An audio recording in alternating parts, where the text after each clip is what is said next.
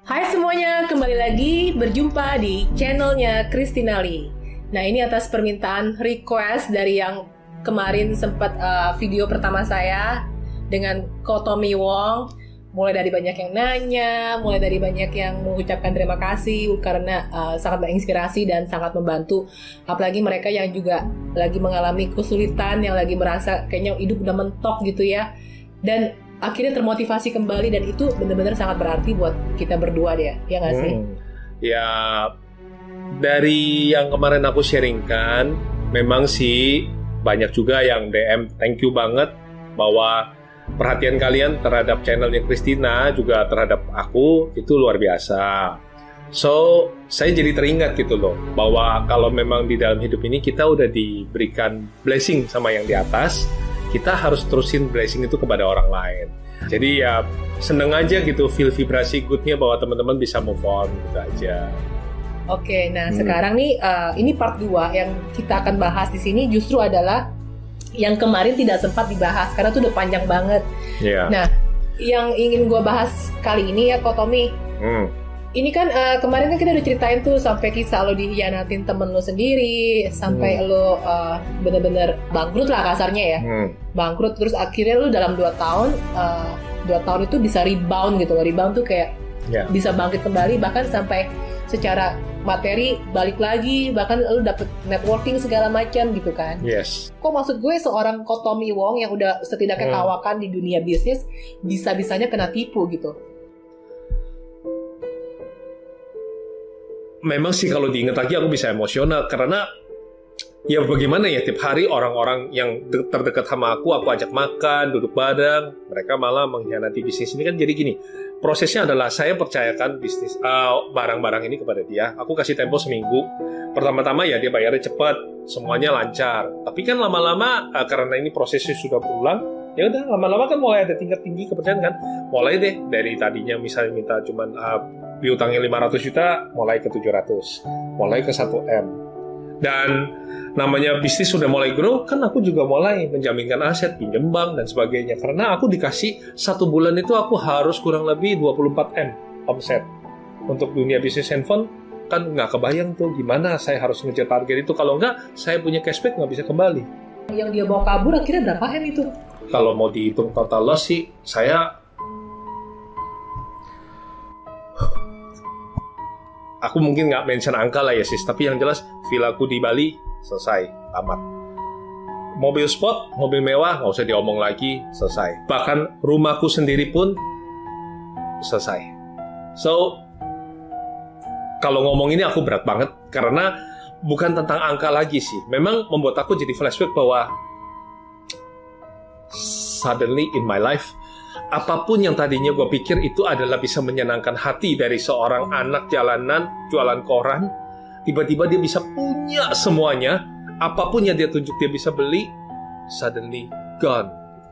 Benar-benar disepir semuanya. Dan aku menghadapi keadaan di mana sampai akhirnya aku harus diancam dengan mau dipenjarakan. Pihak supplier itu memang dibikin supaya semuanya menagih aku secara serentak.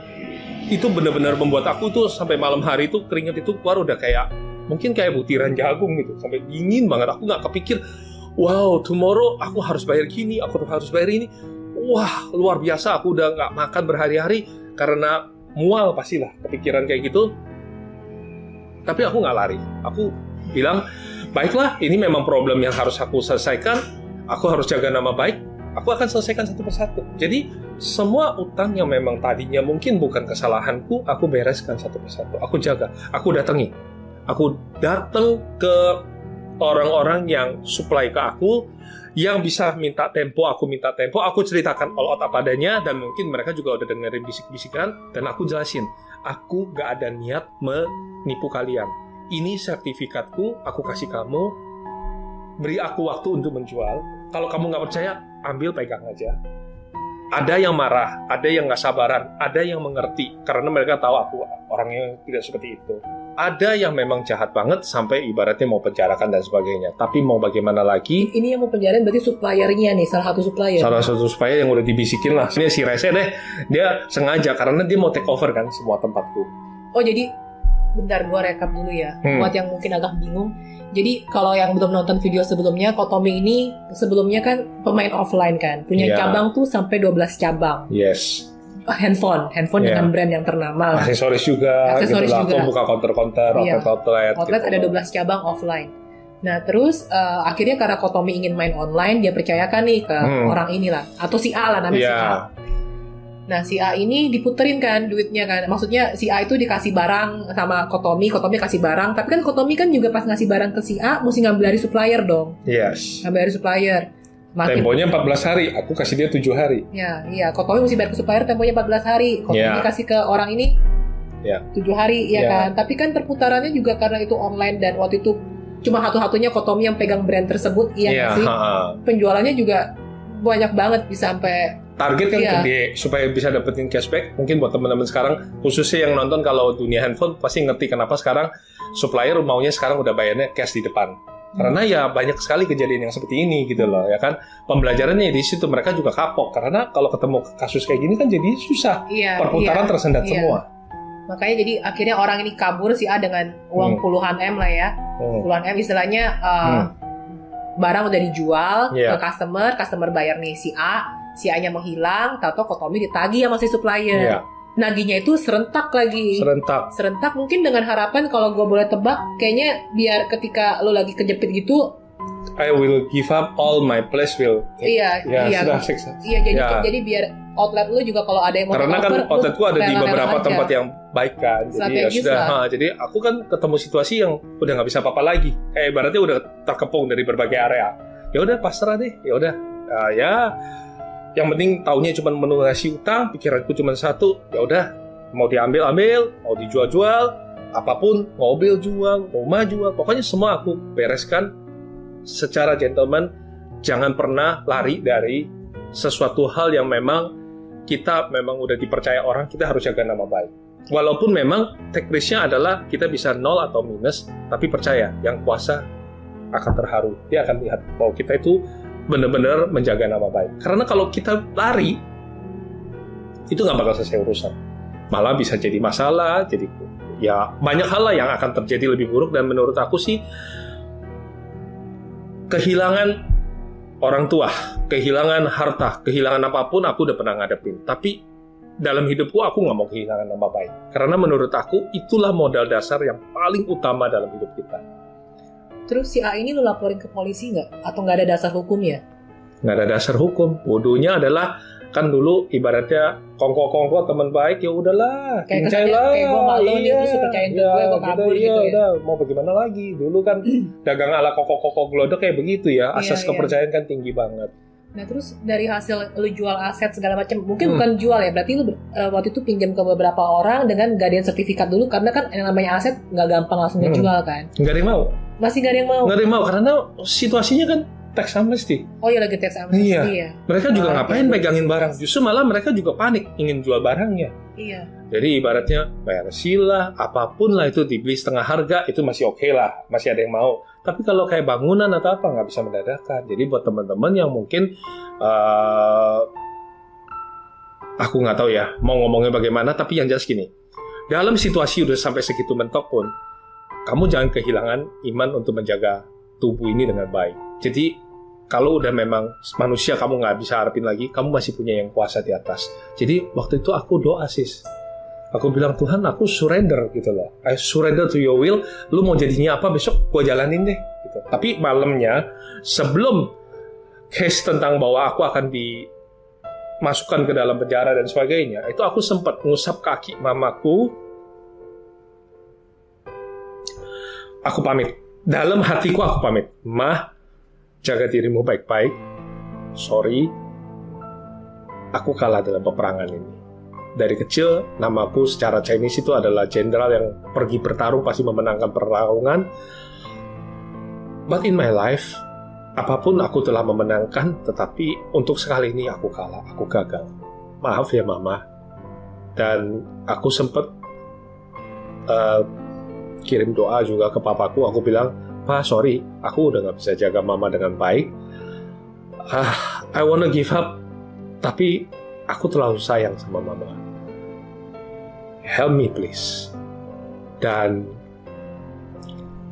percaya sis, besok paginya ada salah satu orang dari Kupang, aku nggak pernah lupa, itu adalah saya saya inget banget dia itu bisa nelpon saya dia bilang Pak saya itu naksir villa bapak di Bali. Itu desainnya keren banget. Bapak mau jual berapa? Dan aku kan nggak punya ekspektasi apa pun sis. Dan dia ngomong gitu loh. Si orang terus ah, ah. gue bilang Pak bapak serius? Kok gitu. Terus gue lihat deh uh, kira-kira kisaran per problem gue pada saat itu mendadakan gue asal mention satu angka gitu loh sis ya kalau memang mau dan gue juga agak agak agak kayak nggak serius lah gitu ya kan? Gue ngomong ya kira-kira segini deh pak. Can you believe it sis? Nggak ada nawar. Baik pak. Deal. Saya kirimkan hari ini ya uangnya. Oh come on man. Oke okay deh karena lu mau ngomong ini bisa feel vibrasi deh. Dan gue memang jam 11 itu akan ketemu dengan si Rese ini karena gue kan persoalan apa pun gue hadepin sis. Gue nggak mau lari gitu loh dari kenyataan. Hari itu memang udah harinya di mana gue akan habis. Ini udah bagian skenario mereka aku udah nggak mau urusin lah. Tapi yang jelas kan yang dia hutang aku dia bawa lari. Tapi aku kan punya hutang dengan si supplier utama. Nah supplier utama mana mau tahu iya, ada apa apa iya. sis? Kalau lu hari ini nggak bisa kasih kita uh, itikat baik lu kita nggak mau sertifikat kita nggak mau apa pun dari kamu. Kita cuma maunya uang gitu loh. Jadi memang dia mau habisi dengan cara seperti itu. Dia tahu gue nggak mungkin. Morning at 9 jam 9 pagi. Telepon itu tek selesai aku inget persis lah pokoknya hari itu selesai dari rumah ibadah pagi itu kira-kira kan aku jam 4 pingsan terus jam uh, eh, 5 aku berangkat ke tempat ibadah di gereja aku sujud jam tujuan. Lalu tiba-tiba pas aku udah siap-siap baju udah aku siap untuk ketemu jam 9 telepon dan itu. ya dari Kupang itu. Dan gue juga nggak ngerti how come dia bisa sampai sedetail itu. Dan bener sih kira-kira jam 9 itu nggak lama. Pak uh, saya minta tolong kalau transfer itu kira-kira cuma bisa 100 juta apakah oke okay? maksudnya saya transfer dulu gitu loh dan siangnya nanti saya kalau ke bank saya transferin lagi 500 ya, saya bilang gila men kok ada sih kayak begini ya iya padahal nggak ngeliat barangnya iya. belum dapat sertifikat gak, gak, gak, gak, belum lihat ke dalam boro-boro nggak ada kayak iya. bukti ya. ini iya nah ada udah ya oke okay. nah udah saya jadi akhirnya dia gue cek dong gue cek eh bener-bener. Ya udah. Saya gue bawa. Gue datang ke tempat yang yang ini problem ini. Gue kasih. Gue bilang eh nanti jam 12 kira-kira gue akan ada uang lagi. As you wish. Dan gue akan bereskan lagi sisanya. Bilang gitu. Just give me time oke okay? dan dia kaget lah. Pagi itu tiba-tiba kok ada uang. Gue bayar semua.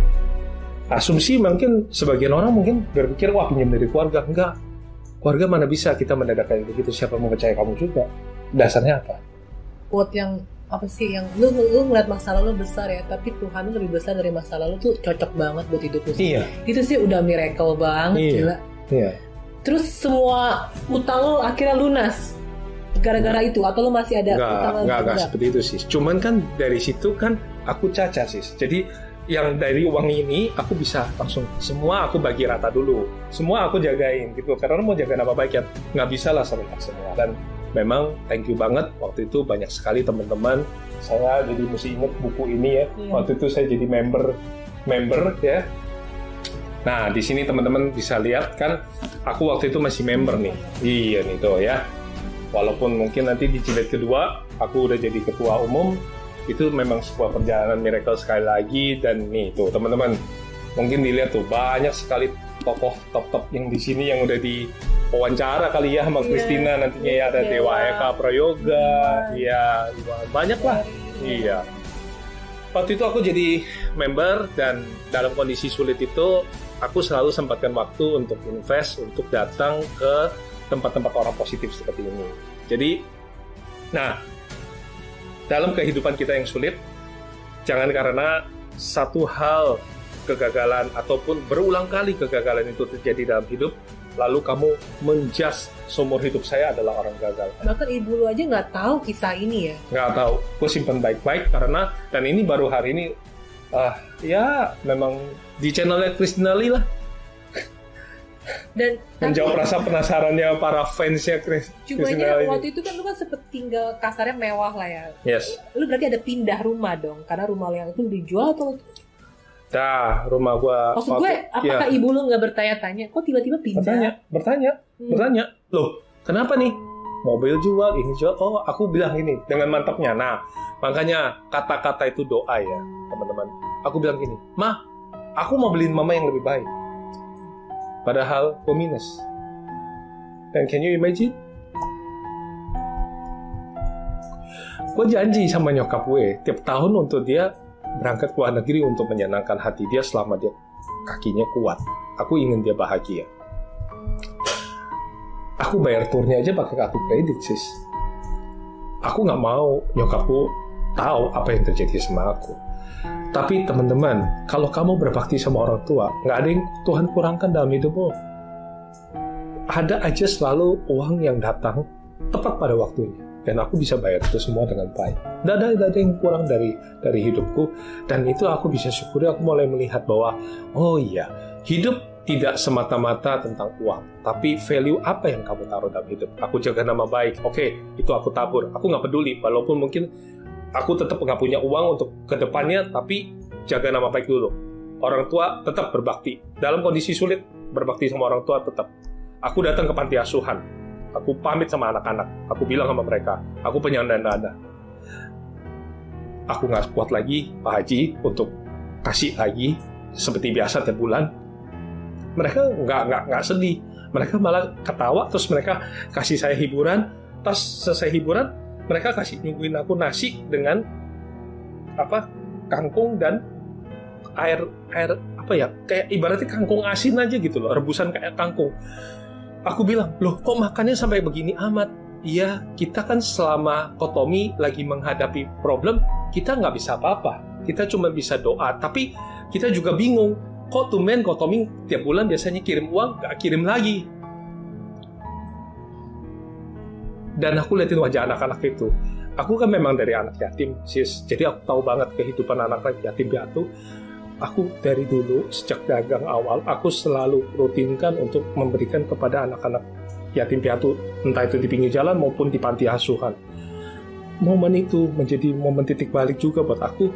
Ya ampun ternyata selama aku nggak kirim uang mereka nggak ngeluh. Mereka selalu bersyukur sama Tuhan. Dan mereka petik kangkung di tetangga asal campur sama nasi, mereka makan dengan sukacita. Apa yang terjadi dalam hidup gua? Kenapa gua nggak perjuangkan lagi sekali lagi? I fight one more round untuk mereka. Dari situ aku pikir, I must do something, gue benar. Gua harus, apa pun terjadi, aku harus lakukan sesuatu. Udah, pulang dari situ, berbekal kan persoalanku satu persatu mulai terselesaikan kan. Aku dagang pelan-pelan memang sih habis semua deh. Ibaratnya tokoku pun dari tadinya begitu banyak mungkin tinggal satu dua tapi nggak apa-apa. Aku pelan-pelan lagi derap langkah kita jalan lagi. Yang penting kita mindsetnya benar aja. Bagus punya attitude yang benar jaga kepercayaan. Ada aja sih orang-orang yang mau kasih kesempatan. Gitu loh. Nggak apa-apa mereka nggak percaya oke. Kamu mau jual barang ke aku baik aku bayar cash. Nggak apa-apa takutnya kamu nanti berasumsi dengar-dengar buruk itu kamu takut kan? Aku bayar cash apa apa dengan uang yang aku ada. Tapi kan lama-lama orang simpatik juga. Dagang tetap harus jalan kan? Iya, iya. dari situ pelan-pelan aku bayar bayar bayar bayar. Kan terbangun kembali kepercayaan.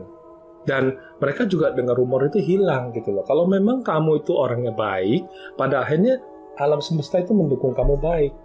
Dan dari situ malah banyak sekali teman-teman yang malam-malam mereka WA saya kirimkan doa kirimkan aku pujian untuk uh, kuat ya Kotomi kuat ya. Karena kita percaya Kotomi sedang diproses untuk menuju suatu hal yang lebih bagus. Dan amin di kemudian hari aku malah jadi ketua umum daripada Billionaire Mindset. Dan kalau mau dilihat prestasiku untuk yang dulu-dulu tuh sampai ibaratnya di Korea pun aku ditanda tanganin kan ini kan kelihatan banget nih salah satu penghargaannya. Jadi aku thank you banget udah pernah sekolah kehidupan kalau orang bilang inilah salah satu salah satu ya dari sekian uh, ijazah yang aku dapetin dari. Ini dari mana sih? Nah, dari ini langsung ditanda tangan dari Korea. Dari Saya nggak usah nyebut-nyebut brand lagi, tapi aku yakin ya. teman-teman udah tahu lah. Ya kan? Sempat sih dengan segala rasa kesal itu aku pikir pengen buang semua semua penghargaan itu udah gak ada artinya. Aku pikir aku udah totally lost. Untuk apa aku hidup lagi? Tapi enggak. Hari ini buat teman-teman yang nonton, aku ingin katakan kepada kalian, kalau kalian ini apa dalam hidup ini Anda ketemu situasi sulit, jangan menyerah dulu. Karena ini adalah bagian part of your journey. Perjalanan yang harus kamu lalui untuk sebuah kesuksesan yang begitu besar. Jadi jangan kalau yang namanya orang mau kesuksesan yang besar, dia harus siap menghadapi masalah yang besar. Kalau lagi di tempat, bersyukur, terima, gitu loh. Yang penting kalau kamu masih besok pagi masih bisa bangun, masih bisa cium ayah ibumu, masih bisa cium anak-anakmu, wargamu, kamu itu adalah orang yang diberkatin dan kamu harus pikir one step forward, mikir jangan-jangan Tuhan mau kasih saya suatu berkat yang besar. Apa pun yang harus aku lakukan saat ini adalah menjaga dengan baik mindsetku, pikiran, jiwa, raga ini dengan baik, aku jalani. Kalau kamu nggak jahatin orang, kamu nggak kehilangan apa pun kok. Oh ya kemarin juga ada yang nanya itu kok kan waktu di video pertama kita pakai lu pakai hmm. kaos tulisannya lombok kan. Nah ya, nah dari situ mungkin buat teman-teman nih. Nah bicara tentang logo ini, ini sebenarnya aku dirikan Island Indonesia Learning Network itu adalah di mana dalam kondisi sulit aku lihat buku itu ya nggak sengaja sih uh, ada dibeli oleh salah satu orang agen asuransi dan nggak tahu gimana akhirnya berada di suatu daerah lain. Dan ini ngeri banget tuh sis. Jadi ada mahasiswi mamanya meninggal papanya meninggal dalam waktu berdekatan dan dia malam itu lagi kurung diri di kamar. Nggak tahu kenapa katanya buku itu ada terselip di kamarnya. Jadi sebelum dia mengakhiri hidupnya dia sempat lihat buku itu. Dan dia lihat itu kok banyak banget orangnya. Iseng-iseng dia buka gitu loh. Dan dia buka itu chapternya tentang aku. Dia udah mutusin mau bunuh diri. Gak sengaja buka buku itu dia uh, asal balik aja chapterku chapter bagian di situ lalu dia baca dia kaget dan di situ dia ada kesadaran dan dia bangkit percaya nggak teman-teman hari ini dia dapat beasiswa di Trisakti anak di Bangka Belitung di di dalam desa gitu I don't know how. Ternyata kakak sepupunya orang agen asuransi beli buku ini di Jakarta, pas main sana nginep, nggak sengaja kegeletak. Dia baca dan bisa nyelamatin. So, I think today bukannya suatu kebetulan aku bisa diundang Christina Lee untuk sharing ini buat kalian. Buat siapa pun yang nonton saat ini, aku mendoakan kalian sukses. Bukan mendoakan kalian kaya raya, karena kaya raya percuma kalau kalian nggak punya hati untuk menjadi saluran berkat buat sesama. Jadilah orang sukses yang kaya bukan hanya materi, tapi juga kaya akan mindset, kaya uh, untuk berbagi, beramal, ya. Dan yang paling penting adalah mau belajar dari kegagalan, bukan menikmati kegagalan orang lain. Gitu. Nah, ini aku dirikan. Lalu kemudian kurang lebih setelah jalan setahunan, waktu itu Lombok mengalami bencana. Dan aku tergerak untuk membantu teman-teman di sana. Aku melakukan hal-hal charity di situ. Yang di mana sekarang aku bikin kaos ini adalah di situ tertulis Lombok. Jadi aku ingin buat teman-teman khususnya yang nonton channel ini, ya apalagi teman-teman di Lombok, aku tahu kalian kondisi sulit. Setelah apa yang terjadi, kadang-kadang ada beberapa orang itu sampai ibaratnya mereka cerita bahwa dalam sekejap hilang orang tua dan sebagainya. Untuk bangun kembali susah banget karena rumahnya pun hilang. Aku kasihan banget karena ada yang sampai dia itu tidur, anaknya dan istrinya itu hilang. Dia bangun dan dia bingung. Dia bangun di mana dengan luka parah dan istri dan anaknya itu menghilang. Terus dia bilang sama aku, kok Tommy, apalagi yang berarti dalam hidupku. Aku udah lebih hancur dari Kotomi. Dulu kita berteman, apa Kotomi masih mau berteman sama aku? Aku bilang, nggak ada yang hilang dari dalam dirimu. Mereka sudah dijaga yang kuasa dengan baik. Apa yang harus kamu lakukan adalah melangkahlah maju, karena kamu akan menemukan mereka lagi dalam perjalanan chaptermu berikutnya. Tapi yakinlah, mereka ingin kamu di bumi ini baik-baik aja. Mereka ingin kamu di bumi ini meneruskan hidupmu. Kamu harus bisa jaga dirimu dengan baik. Kamu dagang kembali, usaha kembali, jangan putus asa, jalan lagi.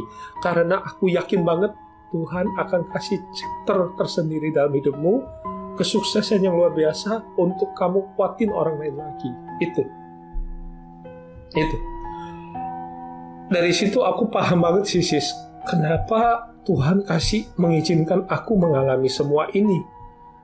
Aku jadi mengerti bahwa ternyata setiap kita itu sudah punya satu koneksi kayak apa ya kalau ibaratnya kayak vibrasi tone untuk bertemu gitu loh. Jadi kita ketemu hari ini pun itu pasti sudah ada alasan dari yang kuasa untuk memberikan berkat bagi teman-teman.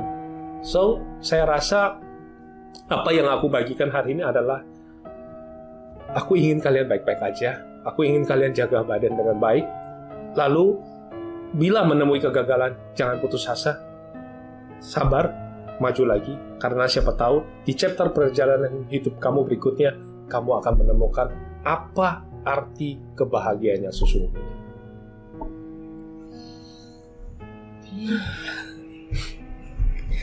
Oke, okay. um, yang Kupang, akhirnya yes. ketemu sama orangnya. Ketemu? Dan, kan transaksi. Dan dia tahu dong masalah lu. Tahu? Dan lu tanya nggak dia bisa tahu villa lu dari mana? Dia bilang udah berapa kali dia ke Bali dan dia itu sebenarnya tetangga yang tinggal nggak jauh dari situ dan dia tiap kali lihat rumah ini kenapa mewah banget tapi nggak ada orangnya gitu loh. Dan bahkan kan karena aku sewain jadi dia pernah ikut masuk. Dia lihat semuanya. Dan dia tanya ke orang dia tanya yang jaga. nomor teleponnya berapa sih pemilik rumah ini? Dia mau apa enggak sih? Kenapa aku tuh kepengen banget malah dia nggak pernah ini. Dan dia bener transfer duit waktu itu yang pakai akhirnya ke bank jam 12 yes. Gila keren I don't know sis. Aku nanyakan ke, ke dia kayak begitu pun dia bilang ya pokoknya ya dia tergerak aja untuk melakukan telepon. Dan dari sekian banyak kemungkinan berapa besar sih sis? Satu banding berapa sih sis? I think Tuhan terharu. Ya, I think Tuhan tahu bahwa apa yang aku alami aku tidak give up untuk tetap menyayangi mamaku orang tua kita berbakti tidak ada ruginya. Karena mereka tidak selamanya bersama kita. Aku udah kehilangan ayah, aku nggak mau kehilangan ibu. Walaupun mungkin ibuku tidak bisa recovery total, tapi buat aku bisa menjaga merawat dia itu kehormatan tersendiri dalam hidupku. Ada juga nanya kondisi hmm. nyokap lo sekarang gimana? 90% lah kurang lebih recovery. Every year gue pokoknya berangkatin dia untuk jalan-jalan ke luar negeri. Selama dia kuat, why not? gitu. Dan percaya teman-teman kalau kamu bahagian orang tua selalu ada rezeki tersendiri ter apa ya tersendiri, tersendiri yang Tuhan siapkan dan tidak akan memiutangi kamu. Oke, balik lagi. Berarti kan dengan lo jual yang villa lo yang di Bali, terus lo jual mobil lo, jual hmm. rumah lo juga, ya hmm. ya kan. Tapi uh, tadi lo bilang masih ada sisa utang yang lo nggak bisa langsung bayar, ya kan? Iya. Nah berarti itu lu pelan-pelannya juga mulai dengan uh, apakah ada ada yang nolongin temen yang nolongin tiba-tiba pinjemin modal atau atau lu cuma ibaratnya apakah lu udah ada alokasi dana dari yang lu, lu jual ini yang ini dana ini jangan gua balikin ke supplier lu tetapi gua puterin lagi buat bisnisnya biar kalau nggak kan gimana muterinnya kan yeah. gimana dapat duit lagi kan oh, oh ya lu juga ada give giving up yang toko lo jadi dari 12 tinggal dua iya dan sekarang Amin sih udah tiga lagi. Tiga lagi. Semuanya semuanya ya dalam dua tahun satu sih itu, satu persatu iya. recovery semua. Dan banyak sih berkat yang mengalir ke aku sih dalam artian gini pada momen itu tentu situasinya sangat sulit tetapi ya karena kita jaga nama baik pastilah teman-teman ada yang misalnya kayak uh, aku mendadak harus terpaksa tidak melanjutkan uh, cicilan mobil dan sebagainya. Ada yang beli dan mereka lanjutkan. Aku thank you banget kepada beberapa brothers yang begitu luar biasa. Mereka hari ini udah jadi bukan sekedar temen ya, tapi mereka menjadi brothers buat aku karena kita kaget loh sis dalam keadaan kondisi sulit. Bener yang kamu bilang kemarin bahwa yang nolong kita kadang-kadang justru orang yang nggak pernah terlalu dekat sama kita ataupun bukan saudara kita, bukan tapi justru teman-teman kita. Makanya jangan gini. Traktir teman baik makan. Jangan makan teman baik. Gitu. Dari dulu aku begitu. Untung aja. Jadi untung aja aku punya teman-teman yang baik mungkin kalau aku mention thank you banget kepada Bro Irwan dan juga banyak lah Timotius Taleb itu adalah salah satu pengarang buku di apa yang bikin buku ini yang mengkreasi sehingga mereka itu wow saya punya lah banyak beberapa teman yang Pak William Wiguna, Pak Thomas Sugiarto mereka datang mendoakan saya, mereka pegang tangan saya doain. Jadi it's not about money ya, mereka nggak bisa tolongin saya. Cuma mereka bilang saya bantu deh Kotomi untuk ketemu dengan si ini, si ini supaya uh, reda ketegangannya, dikasih waktu dulu. Dan I'm totally lost banget banget sis. Kalau memang video ini ditonton oleh brother saya Bong Chandra, I know dia waktu itu termasuk orang yang tolong aku. Jadi aku datang ke dia, aku bilang, bro tolong apartemen yang aku udah beli dari kamu dua unit, aku harus jual kembali. Dan dia pun kasih saya doa. Dia memang nggak bisa beli kembali gitu loh karena nggak boleh kan kebijakan itu mendadakan kayak gitu. Gue bilang gue jual rugi pun nggak bisa apa-apa gitu loh. Karena keadaan ini terlalu mendesak. Semuanya minta uang secara serentak. Dan gue nggak bisa cerita ke keluarga gue nggak mungkin cerita kepada nyokap yang udah kondisi kayak gitu. Dan kalau kalau kita dalam keadaan sulit itu sih benar-benar dalam bubble itu ya kita lihat tiap hari lihat orang tapi kita nggak bisa ngomong sama mereka. Dan itu bahaya banget kalau kita sampai kurung diri. Bawaannya itu udah wah udah mungkin gila kali udah sis. Di saat itulah sis kita akan ketemu dengan mana teman sahabat sejati. Dari segitu banyaknya teman-teman yang berkumpul di sisi saya saat saya di top atas tidak lebih dari lima jari yang bisa saya hitung masih berempati kepada saya. Karena kan kita yang pebisnis ini ya sis mindset untuk mencari uang pasti ada gitu kuat gitu ya kan. Tapi kan kalau menghadapi situasi yang bertubi-tubi, kita kan kadang-kadang buntu. Dan kalau kita lagi mentok di labirin, kita itu jangan diem, tapi minta tolong teman lihat dari luar. Karena mungkin aja jalan keluar itu ada, cuman kita lagi mentok nggak Ini pengakuan dosa aja lah. Jangan pernah iri dengan kondisi hidup orang lain. Aku kritis, aku serakah Mungkin karena latar belakangku adalah penjual koran jalanan, aku melihat kalau orang naik mobil itu enak, aku lihat orang kalau punya uh, kondominium itu enak, di ketinggian aku udah dikasih Tuhan, aku tunjuk, aku mau posisi tertinggi penthouse aku dapat, aku udah lihat kota Jakarta dengan begitu indahnya, aku gak aku syukuri malah setelah begitu indah, aku malah bilang kerennya apa ya kalau orang-orang sekarang, oh mereka harus punya villa di Bali baru keren, oke, okay, gue beli villa di Bali. Dan waktu itu aku sadisnya, bayangin coba, gratitude mindsetku nggak ada. Aku tuh sampai buka internet, aku bilang villa termahal di Bali. Enggak, aku searchnya gitu. Dan bener, itu keluar gitu loh. Villa termahal di Bali, di daerah Kuta. Tapi mau bagaimana lagi sis? Apa mau kata? Itu villa dari awal selesai dibangun aku tiap kali ke Bali nggak pernah bisa masuk sis. Kayak lagi kesewa orang lah atau gimana sih? Kan memang aku suka sewain tapi udah aku telepon ke pihak sananya kali ini kosongin ya karena gue yang mau nginep bersama keluarga. Kebayang nggak? Udah nyampe ada aja halangannya nggak bisa yang anak tiba-tiba nggak cocok lah hawa di dalam karena kayu-kayuan kan dia alergi dan sebagainya ruam kulitnya semua. Jadi akhirnya aku jalan kaki menuju ke Hard Rock Kuta di Bali. Jadi aku stay di hotel. Punya villa malah nggak bisa masuk. Dan yang lebih gila lagi, aku punya kolam renang. Tidak pernah sekalipun aku berenang di dalamnya. Sampai dari sejak bangun sampai terjual, aku tidak pernah sentuh. Can you imagine? Kalau memang Tuhan tidak kasih dalam hidupmu, jangan ngotot kamu akan kecapean sendiri dan benar-benar memang itu tidak bukan bukan milikmu jangan dipaksakan kamu akan habis banyak drain energi drain money banyak hal dan yang paling penting adalah jangan selalu melihat gini loh mindsetnya teman-teman jangan sampai seperti aku dulu. Jadi melihat ada orang yang lebih sukses, aku ingin seperti dia. Lalu aku pelajari apa sih yang dia membuat dia bahagia? Oh dia punya helikopter, dia punya villa, dia punya apa? Oke aku juga harus punya seperti dia. Enggak, hidupmu adalah tentang dirimu, kebahagiaanmu tanggung jawab dirimu. Kamu harus bersyukur dengan apa yang kamu punya. Lalu bahagiakanlah keluargamu. Maka bahagialah hidupmu. Jangan bahagiain egomu. Kamu bahagiain egomu nggak bakal selesai. Selalu nanti akan dituntut dengan apa tuntutan-tuntutan berikutnya tapi coba sekarang kayak bisnis saja. Ah, saya nggak mau lah bisnis ini, mana bisa kaya. Jual barang receh, jual apa? Loh, kamu belum apa-apa, kamu judging dulu. Kamu tahu nggak bahwa dari profit yang kecil, asal memang kamu kelolanya baik, Tuhan akan memberkati itu menjadi besar. Karena apa? Tuhan melihat bahwa di dalam dirimu ada potensi yang besar yang bisa menjadi saluran berkat buat orang.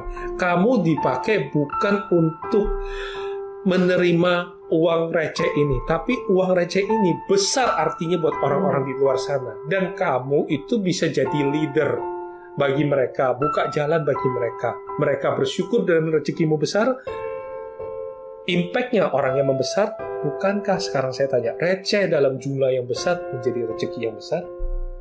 Tapi ini bener banget sih, kayak ibaratnya tuh segala sesuatunya ya memang mesti seizin Tuhan ya. Iya. Yeah. Kayak gue tuh sama kayak lu. Hmm. Waktu itu bokap gue masih hidup kan. Dan itu tahun 2012. Gue tuh bener-bener ingin prove myself loh. Prove myself. Karena bokap, yeah, sometimes kita gitu. bokap gue itu nggak pernah sekalipun muji gue. Sama sih. Gue tuh kayak di mata dia tuh tiap kali ketemu tuh nggak pernah deket. Cuma okay. ya nyokap yang bilang bokap tuh selalu muji gue di belakang gue. Oke. Okay. Dan gue tuh selalu pembuktian. Yes waktu gue lagi masih di atas gitu ya hmm. gue tahu nyokap gue punya rumah sama lahan tuh 800 meter persegi yes. gue udah bilang gue mesti punya bangunan hmm. minimal 800 meter persegi to prove something to prove something ya, sama kan dan gue ya. mampu gitu kan yes. gue beli rumah di yeah. Tanjung Duren tuh hmm. Gue bangun. Yeah. itu luas rumah bangunannya aja 772 meter persegi yes. sampai tiga lantai. Sampai detik ini dari tahun 2012 gue bangun tuh rumah. 2013 BEM gue tau-tau lost duit 3M okay. itu rumah gue nggak lanjutin. Sampai sekarang gue boro-boro tempatin. Dan ya bener kese semua tuh kayak emang udah izin. Kalau Tuhan gak izinin kayaknya ada aja halangannya gitu. Hmm. sama juga ketika gue mau jualan gue mau bikin produk nih lipstick Lume Colors gitu ya. Waktu awal tuh gue kayak uh, eh, gue kan fokus dari uh, sejak bangun bisnis itu gue main di aksesoris.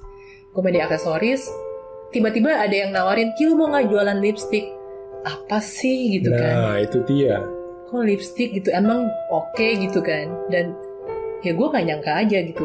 Awalnya gue cuma mau pesen 6000 biji 6000 biji sampai akhirnya gue ketemu temen temen hmm. gue dia bilang lu yakin mau jual lipstick cuma cuma pesen sama pabrik 6000 biji lu mendingan tambahin deh 20000 terus gue bilang gue seumur umur nggak pernah jualan lipstick gue nggak pernah jualan apa ini something new gitu loh. Yes.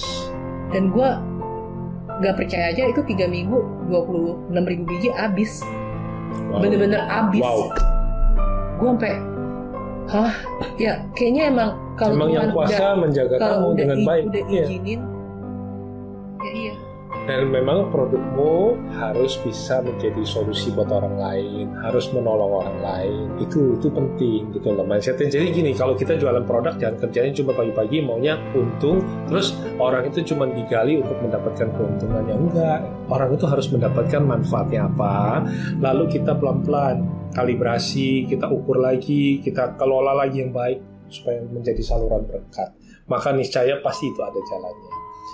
Satu hal mungkin yang perlu aku apa ya sharingkan adalah ada dituliskan bagaimana kamu menginginkan duniamu ini bisa berubah lebih baik adalah dengan mengubah cara persepsimu, cara melihatmu terhadap dunia ini, terhadap bidang pekerjaanmu kalau kamu penjual nasi goreng, tapi kamu menghargai bahwa ini bisa menjadi berkat buat orang lain, orang yang makan jadi sehat. Lalu kalau misalnya ada sisa, kamu tidak mengeluh, tapi nasi itu semua kamu berikan sisanya kepada mereka yang di luar sana kelaparan, saya yakin kok Tuhan pasti terharu akan hidupmu yang begitu indah. Dan kamu dalam melakukannya, kamu itu bahagia. Kalau kalian hari ini bisa makan dengan nikmat, nggak utang, dan uh, bisa kumpul keluarga, itu indah banget loh teman-teman. Bayangin ya, kejadianku tadi, it's about money kan, sebuah pengkhianatan, sebuah apa sakit hati dan sebagainya. Tapi itu meaningless, nggak ada arti. Kenapa? Di kemudian hari aku dipakai untuk menguatkan orang-orang yang kehilangan istri, kehilangan anak. Bayangin teman-teman, bangun tidur dalam kondisi terluka, dia bingung bangunnya di mana, malam masih tidur sama kasur sama istri dan anaknya. Bangun istri sama anaknya lenyap. Aku cuma kehilangan harta sis. Aku nggak kehilangan keluarga. Buat aku sekarang paling penting itu kembali lagi teman-teman. Berjuanglah untuk keluargamu. Maka dilayakkanlah kamu menerima rezekinya. Bukan tentang apa yang kita punya secara benda. Tapi lihat siapa yang menemani perjalanan hidupmu, mencintai kamu apa adanya. Harga itu, cinta itu niscaya. Aku yakin Tuhan menempatkan semua keindahan dalam hidupmu. Karena kamu sudah mengerti arti bersyukur. Oke, keren banget. Jadi mungkin penutup dari gue, uh, seperti yang tadi gue bilang, ada quote yang bagus banget yang menggambarkan kehidupan kau Tommy. Yaitu, lu ngeliat masa lalu besar, tapi yang kuasa itu atau Tuhan tuh jauh lebih besar dari masalah lo gitu loh. Miracle can happen asal lo believe, asal lo percaya.